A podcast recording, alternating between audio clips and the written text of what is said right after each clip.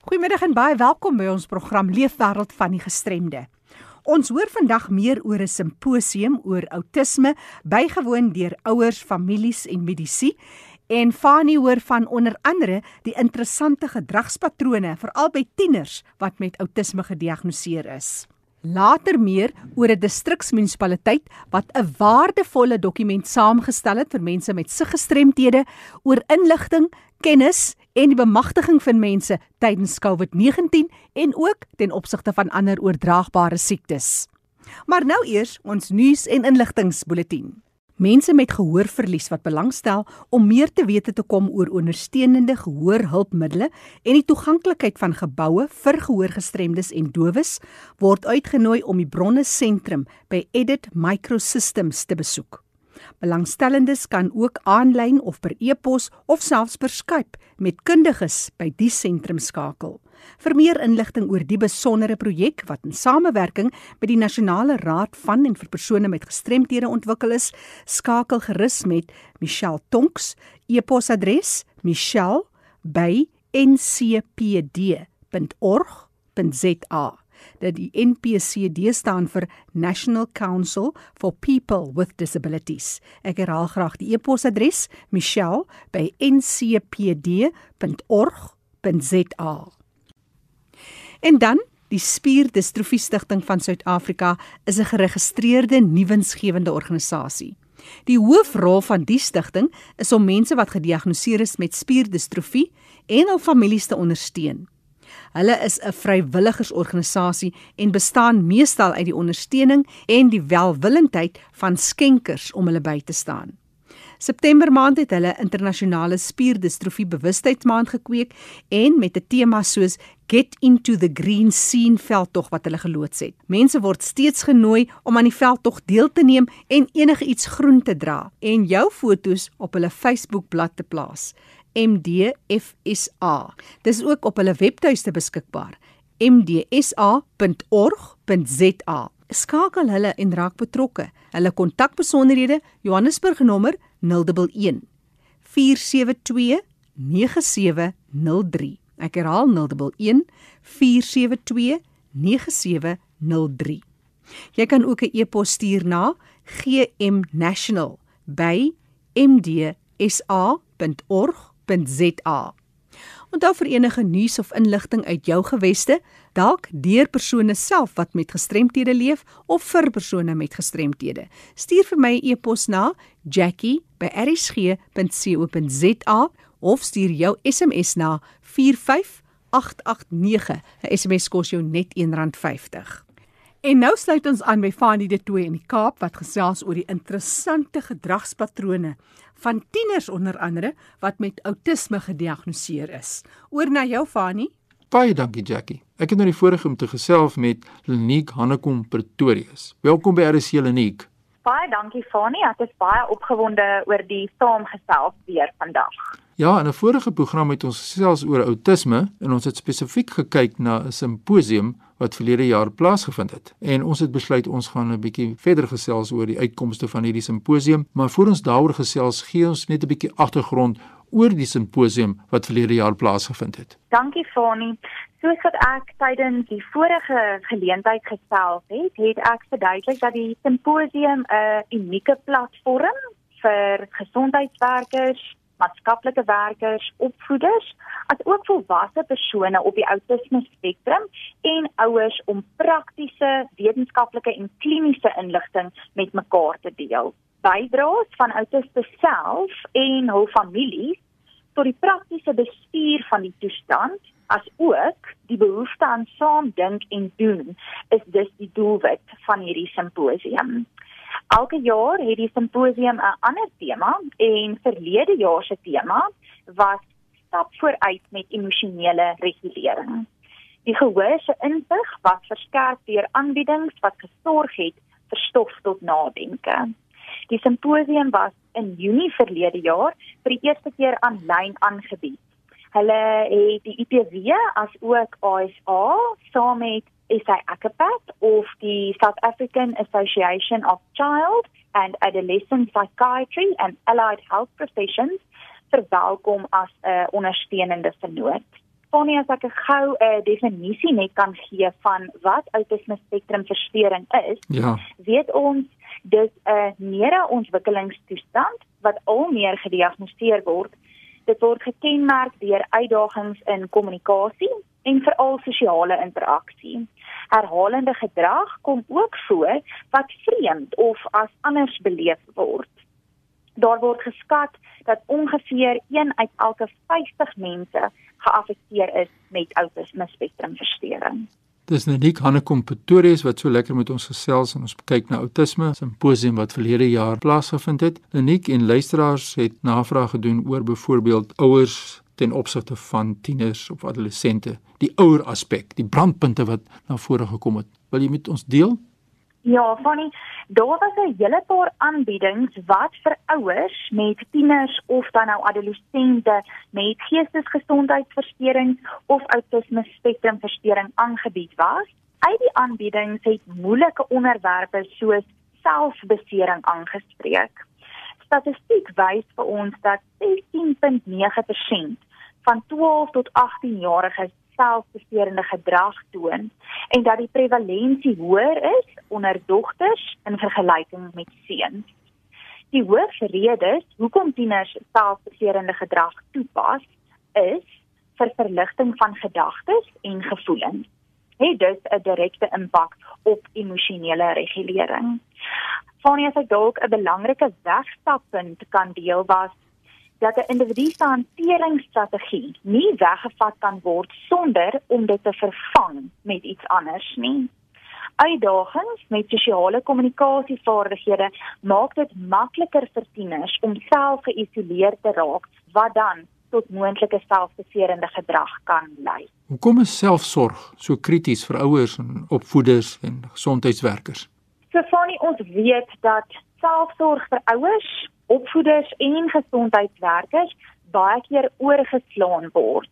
So daar was 'n aanbieding kom ons sorg vir die versorger wat rondom die rol van selfsorg en die belangrikheid daarvan tydens 'n werkswinkel geleentheid aangebied was.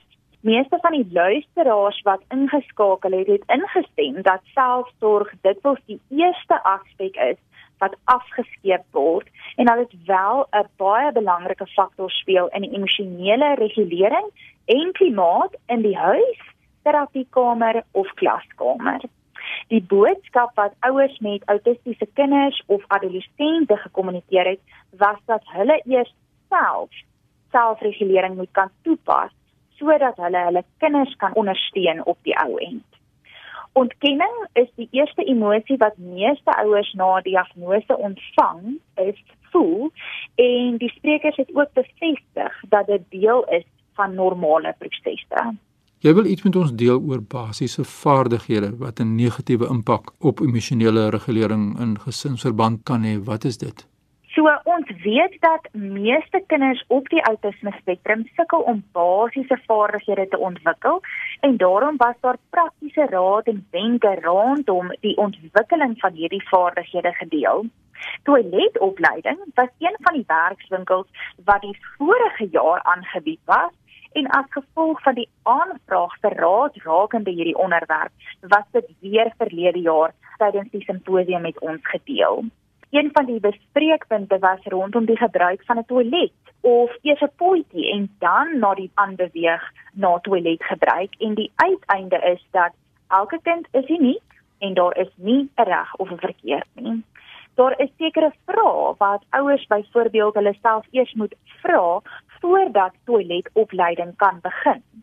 En sommige van die vrae sluit byvoorbeeld in of die kind 'n verskil tussen droog en nat al kan verstaan en of die kind oud genoeg is. Van ek het vorige keer ook hier gesels oor die visuele skedules en dit is ook een van die strategieë wat gebruik kan word tydens hierdie toiletopleiding.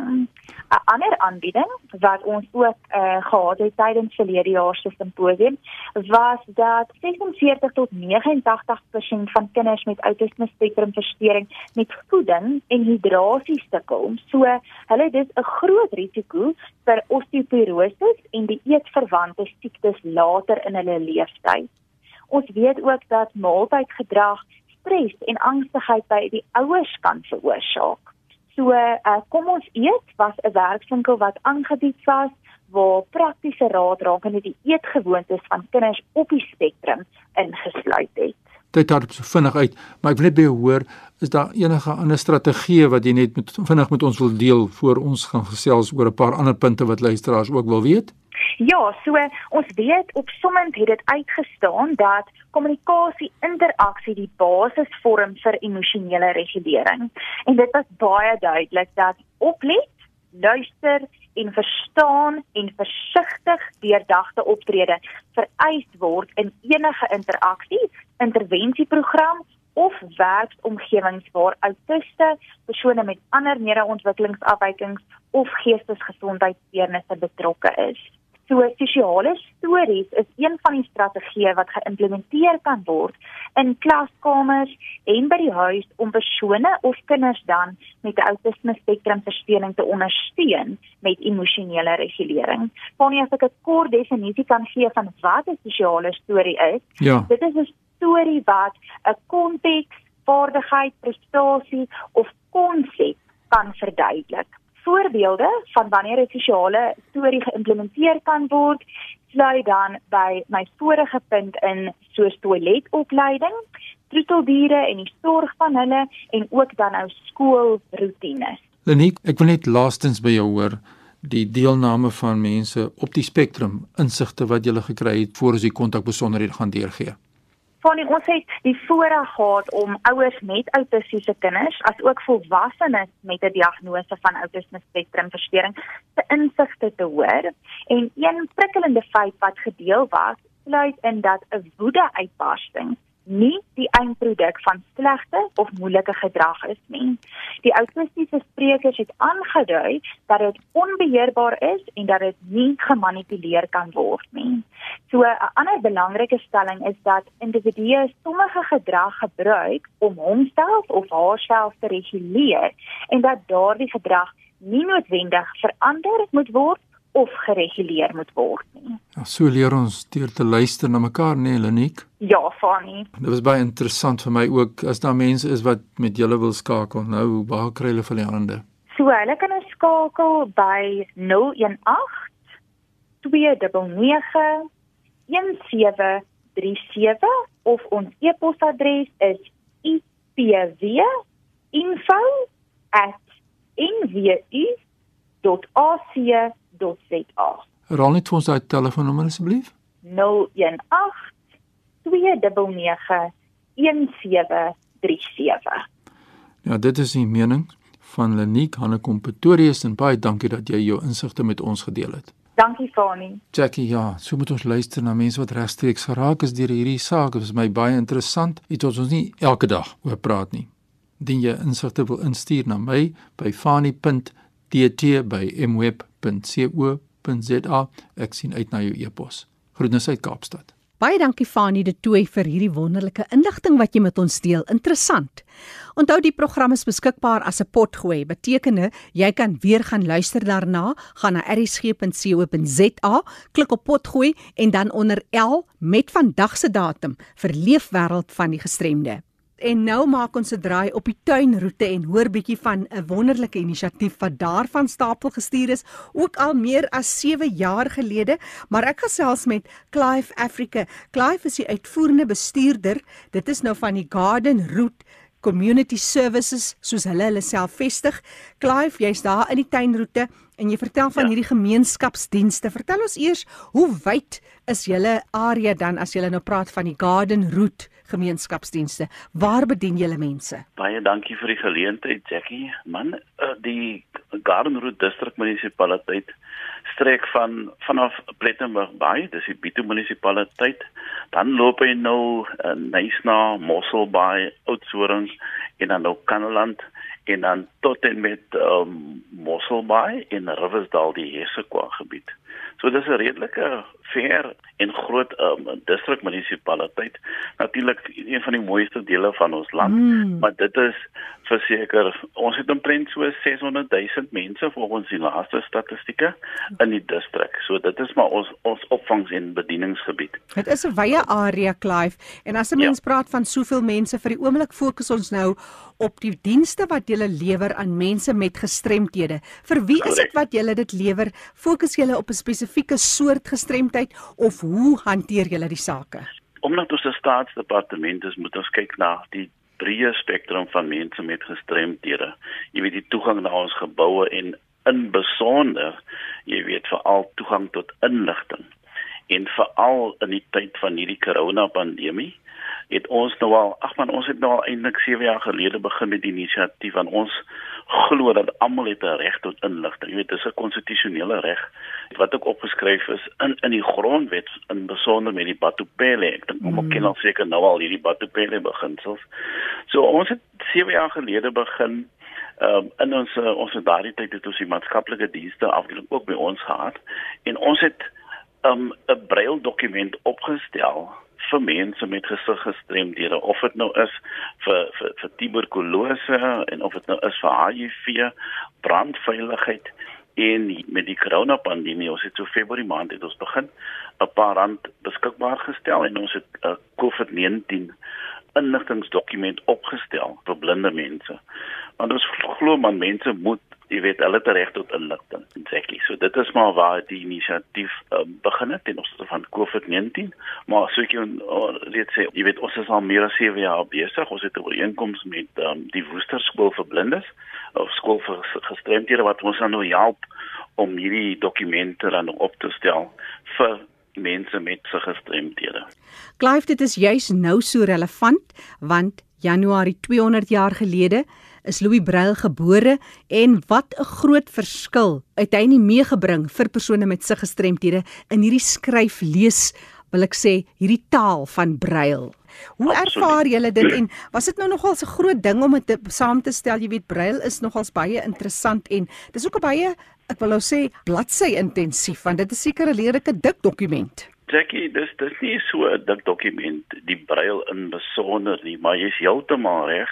Dit is mos maar, jy weet, 'n bietjie groter as jou normale inligtingdokumente en dis maklik vir ons want al wat ons doen, ons stuur maar net die inligting deur vir vir Woester, die skool vir die blindes en dan herskep hulle dit dan nou in hierdie groot braille dokument wat ons dan nou by die biblioteke neersit of as daar gemeenskappe is of organisasies is wat hierdie braille dokumente wil hê dan jy weet voorsien ons dit vir hulle ons het ook in die tussentyd dekkie Jessie met hierdie inisiatief het ons ook braille Bybels jy weet ook 'n paar jaar gelede um, om ook jy weet opgestel en dit was 'n besondere voorreg om vir sekere mense van hierdie braille Bybels te kon gee.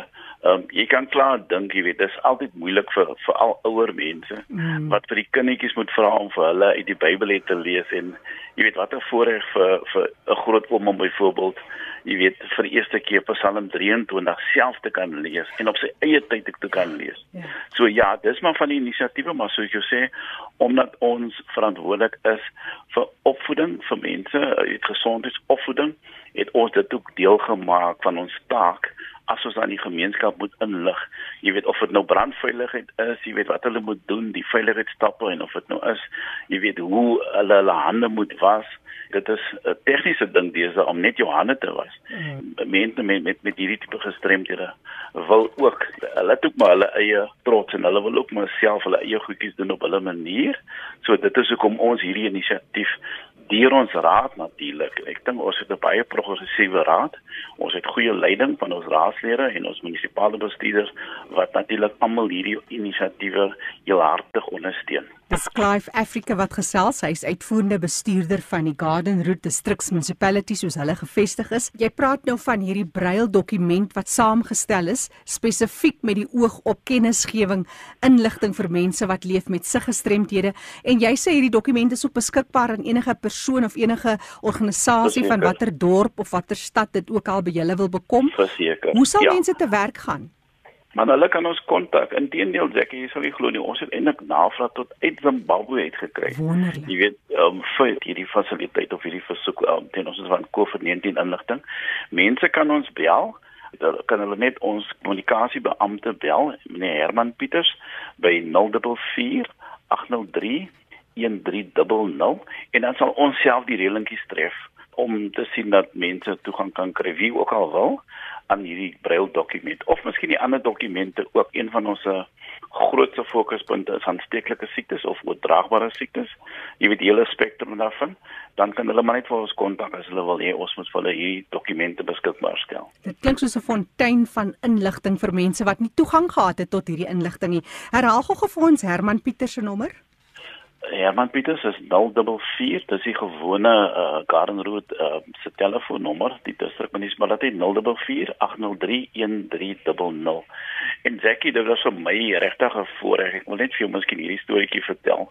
Dit was nou seker my hoogtepunt as die ou beroep is mos die gesondheidsinspekteur, maar ja. jy weet hulle noem ons nou die omgewingsgesondheidsbeamptes, die EHPs, maar ek het daarvoor gehad om een 'n jong man in Nysna hierdie braille dokument te gaan voorsien en regtig uh, jy weet hy en sy pa daar gesit ek ek het nog so 'n video klip van dit um, en hy het oor en oor het hy nou hierdie braille dokument jy weet so gelees en dit was vir my regtig 'n hoogtepunt in my loopbaan um, want daar is definitief so 'n honger vir vir mm. inligting en interessante leesstof jy weet in hierdie verband Klaar, ek kan my net voorstel wat 'n groot voorreg is dit om dit te kan aanskou as iemand dit vir die eerste keer kon doen. Jy is passievol oor die werk wat jy doen en dit lyk vir my julle is ver vooruit julle beplan en julle werk en julle doen beslis die werk vir die mense wat leef met gestremthede en ander uitdagings. In die eerste plek Jackie, jy weet, het ons 'n morele verantwoordelikheid. Die tweede ding, jy weet 'n distrikmunisipaliteit het 'n konstitusionele verantwoordelikheid. Almal het 'n reg tot 'n skoon en veilige omgewing. En as dit, jy weet, die belastingbetaler, jy weet, maak staat om ons om daai diens vir almal alle rasse, jy weet, uh, alle tipe mense van watter ekonomiese klas ook al. So ons, jy weet, ag nogal dienslewering as 'n groot prioriteit in ons munisipaliteit. So ja, dit is dit is nie 'n deel van ons morele verantwoordelikheid nie, maar grondwetlik is dit ook deel van van ons statutêre, jy weet, verpligting teenoor ons mense vir wie ons dien. Dit is maar net 'n voorreg ek om om om in die posisie te kan wees om mense te dien. Um, ons is hier in hierdie posisie nie om gedien te word nie, maar om te dien. Mense kan hoor waar jou hart is. Clive Africa wat gesels het, hy is uitvoerende bestuurder van gemeenskapsdienste, dis by die Garden Route distriksmunisipaliteit en uh, hulle wat hierdie dokument saamgestel het in brail vir inligting meer omtrent COVID-19 en uh, Clive het vir ons 'n nommer gegee van Herman Pieters, hulle kommunikasiebeampte. Jy kan vir Herman skakel op 044 803 1300 en vir enige ander navrae en of terugvoer of dalk kon jy nie vinnig genoeg hierdie nommer neerskryf nie, stuur vir my SMS na 45889. SMS kos jou R1.50. Ek sal baie graag jou navrae wil beantwoord. Die program Leefwêreld van die Gestremde word saamgestel en aangebied deur Fanie De Tooy en Jackie January.